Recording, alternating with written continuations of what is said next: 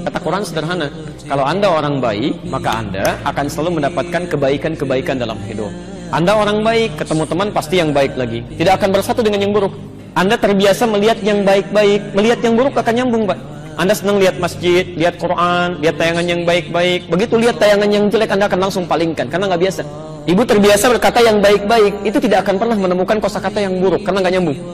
Tapi yang penting Anda catat adalah ketika Anda akan menjadi baik, itu lawannya pasti akan ada celak tantangan dari yang buruk. Di setiap Anda menuju kebaikan, maka Anda akan berhadapan dengan tantangan keburukan yang menguji Anda apakah serius atau tidak ingin mencapai kebaikan ini.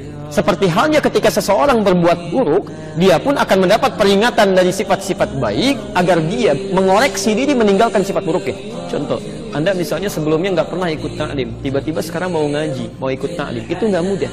Tiba-tiba di jalan ketemu dengan teman, biasa ngumpul, sekarang mau ngaji. Mau ke mana nih?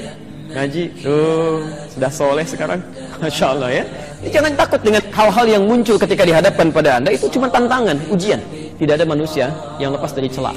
Tidak ada. Malaikat dicela, Allah dicela oleh orang kafir. Rasul dicela. Anda bukan Allah, bukan malaikat, bukan Rasul. Nggak mau dicela itu mustahil. Kalau Anda orang baik, pasti Anda dapat celaan dari orang jelek. Kalau Anda orang buruk, pasti Anda akan dicela oleh orang baik untuk mengingatkan bahwa ada yang salah dalam diri Anda. جميلا